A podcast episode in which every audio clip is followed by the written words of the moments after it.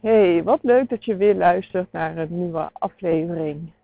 En vandaag wil ik het met je hebben over energie. En om iets specifieker te zijn, wil ik het met je hebben over hoge energie en lage energie. Ehm, ik weet niet hoe het bij jou zit, ehm, maar ik krijg echt overal waar ik kijk een soort van om mijn oren geslagen dat het zo ontzettend belangrijk is om in een hoge energie te zitten en blijven in deze tijd waar we in zitten. En uh, voor degenen die niet zo thuis zijn in de universele wetten en denken hoge energie, lage energie, waar heb je het over? Um, eerst misschien even een kleine introductie. Um, een van de. Nou, er zijn uh, een hele hoop universele wetten. Um, je zou kunnen zeggen dat er, uh, ik geloof, iets van twaalf basiswetten zijn. En een soort van grondslag voor uh, die universele wetten is de wet van energie. En die wet die vertelt ons dat alles energie is. Dus niet alleen dat er uit het stopcontact komt, maar ook, um, nou ja, uh, alles wat we zien, alles wat we horen, het asfalt, de bomen, uh, andere mensen, emoties, um, goede gevoelens, slechte gevoelens, dieren, alles. Alles is energie. En energie heeft een bepaalde frequentie.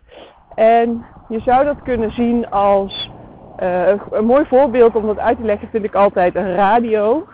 En als je in een radio op zoek gaat naar een radiozender, dan zoek je een bepaalde frequentie op. En iedere zender heeft een eigen frequentie. Nou, en zo heeft alles wat dus energie is, ook een eigen frequentie.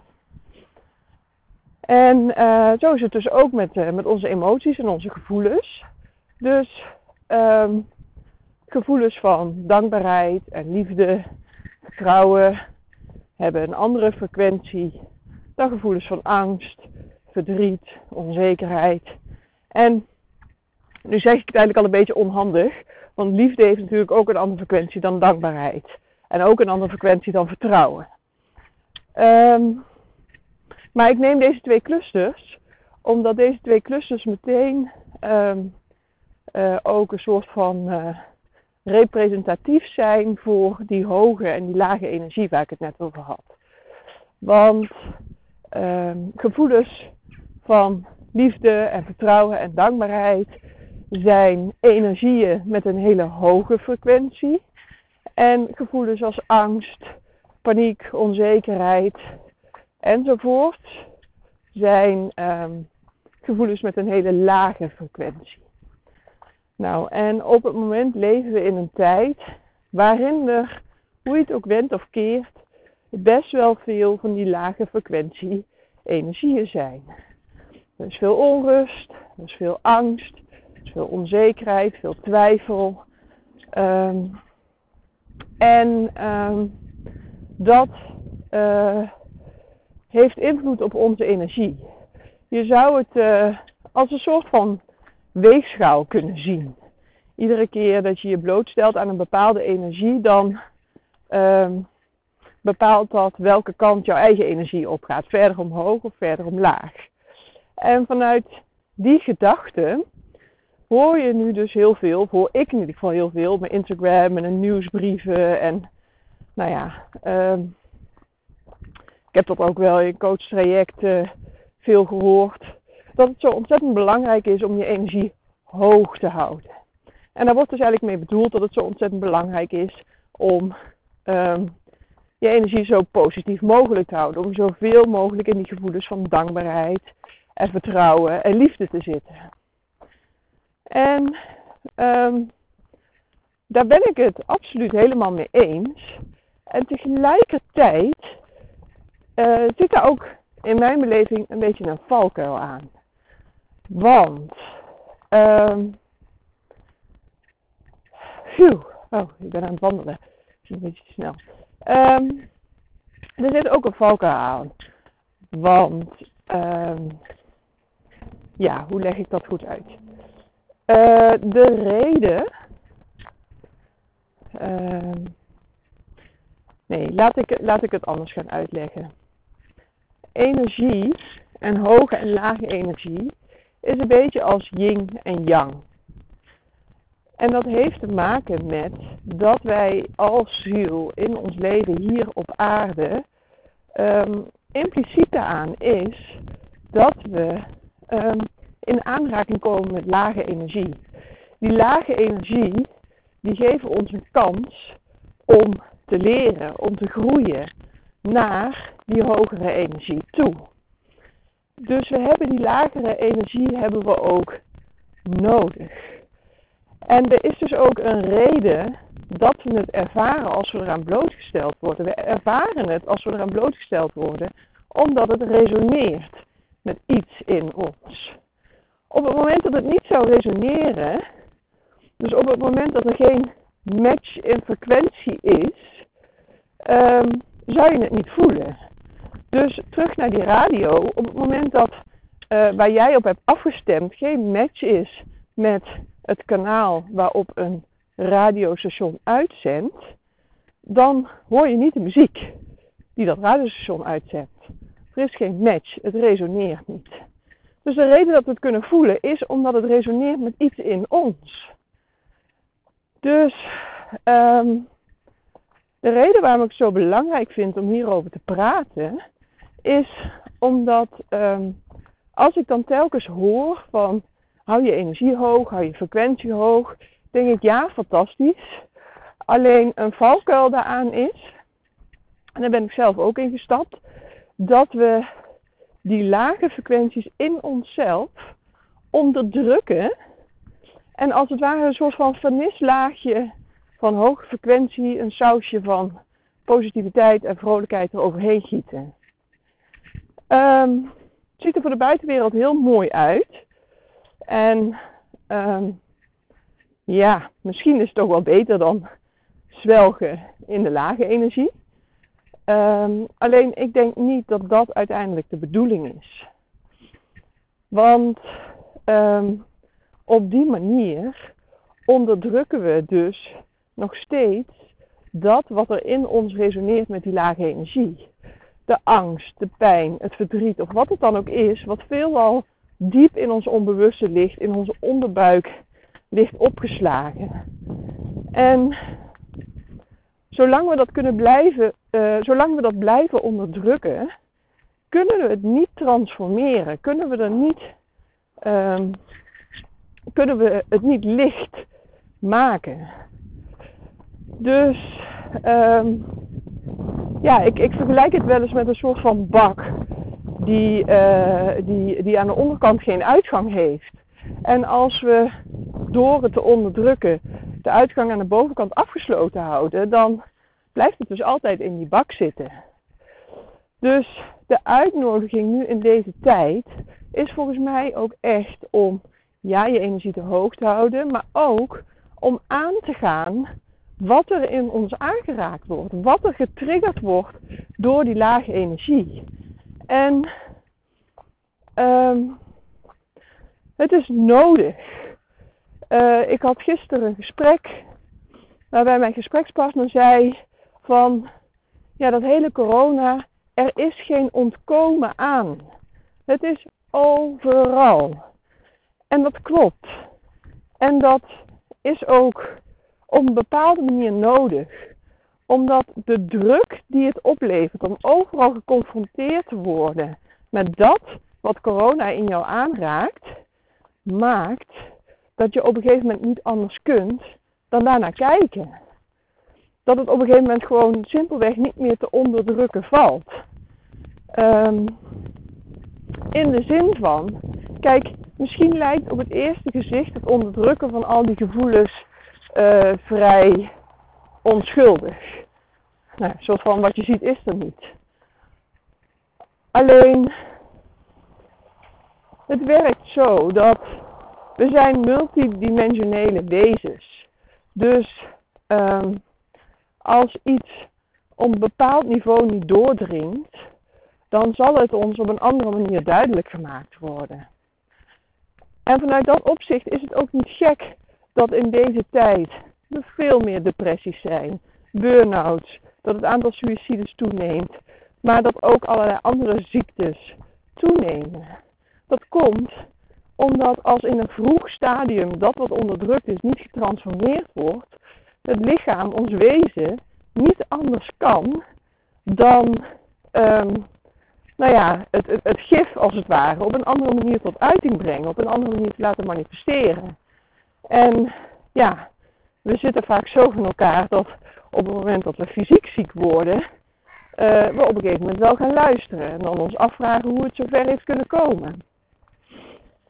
Nou, dus nu in deze tijd is er denk ik een enorme, hele grote uitnodiging aan ons allemaal om juist um, ten volle te voelen, ervaren en kijken naar alles wat er in ons leeft. En, um, en dat is iets anders, overigens, zoals ik net ook al zei, dan je wentelen in de lage energie. Het is nog steeds heel belangrijk en heel functioneel om bewust te kiezen voor wat je toelaat. Dus um, kijk, als er al angst in je zit, dan is het de bedoeling om naar die angst te kijken en niet om die angst nog meer te voeden, niet om nog meer toe te voegen door bijvoorbeeld uh, constant naar het nieuws te kijken. Um, dus het is wel degelijk heel belangrijk om heel bewust te kiezen voor de energie waaraan je jezelf blootstelt en te kiezen voor zo hoog mogelijke energie, omdat geloof me, dat wat we allemaal te verwerken hebben daar in die onderbuik en dat onbewuste, dat is echt al meer als genoeg. Misschien wel meer dan de meeste mensen in dit leven überhaupt aankunnen. Dus we hoeven niet nog meer toe te voegen door ons ook nog bloot te stellen aan um, allerlei dingen die dat voeden. Dus het is heel belangrijk om wel bewust te kiezen voor de energie waaraan je je blootstelt en tegelijkertijd je eigen innerlijk werk te doen. Aan de slag te gaan met je eigen shit, om het zo maar te zeggen. En is dat makkelijk? Nee, natuurlijk niet. Is dat fijn? Nee, natuurlijk niet. Voel je je terwijl je dat aan het doen bent super vrolijk en opgewekt? Nee, waarschijnlijk niet. Maar transformeer je er iets mee en breng je daarmee uiteindelijk meer licht en positiviteit? Ja, zeker. En dat is dus wat ik bedoel met dat het gaat om yin en yang. Gisteren zei iemand van ja, um, uh, ja, ik, ik, eh, ze had uh, een aantal dingen met onzekerheid. En dat ze zei van ja, maar het is er niet, het bestaat niet. Want als ik intune op mijn hart, dan weet ik gewoon dat ik licht en liefde ben. Dus het bestaat niet.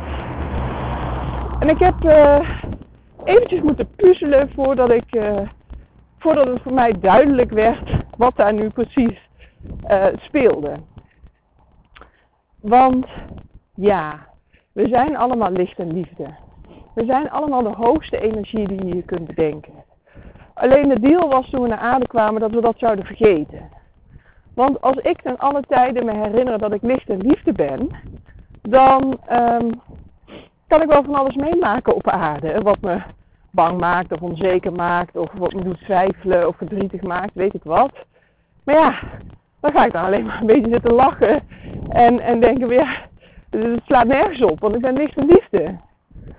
Dus om te kunnen ervaren, om het leven ten volle te kunnen ervaren en niet alleen maar eenzijdig één kant ervan, maar ook om als ziel te kunnen groeien in dat licht en in die liefde, was het nodig om ook juist die lage energie en die duisternis ten volle te kunnen ervaren alsof dat de enige waarheid is.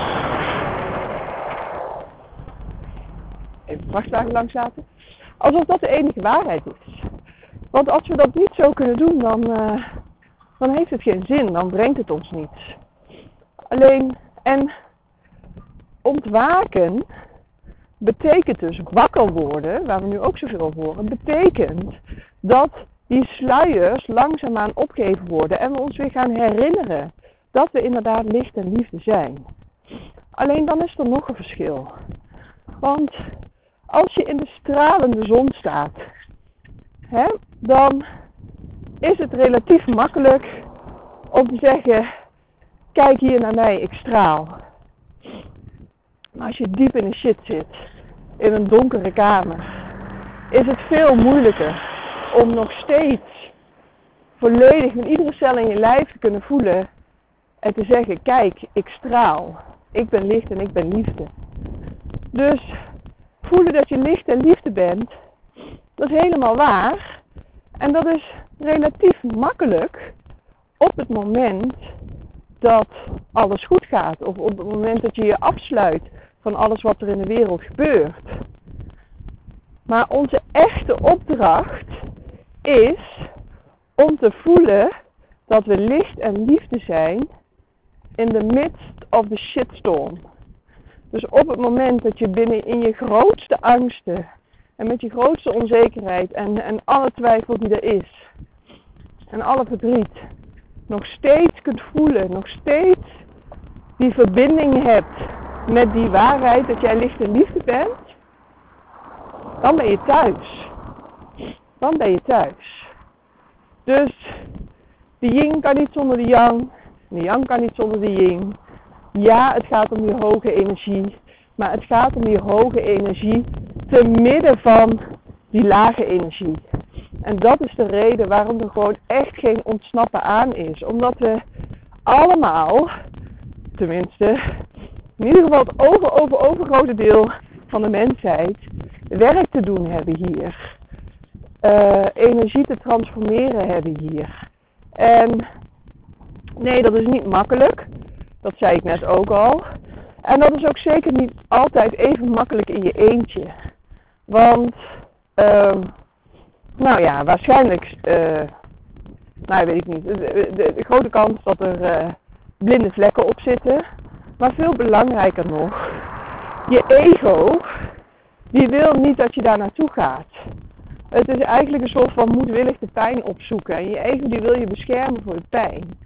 Dus je ego grijpt van alles aan om je weg te houden van, um, van het aangaan van je eigen shit.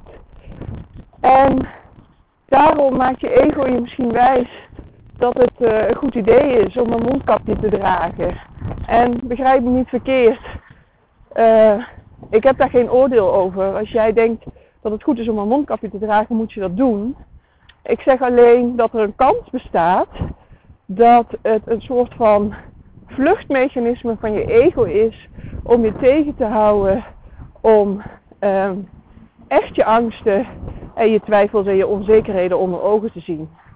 En dat leidt misschien een tijdje tot, uh, tot de illusie van veiligheid en controle, maar zoals ik al zei, aan de onderkant is er geen uitgang uit die bak.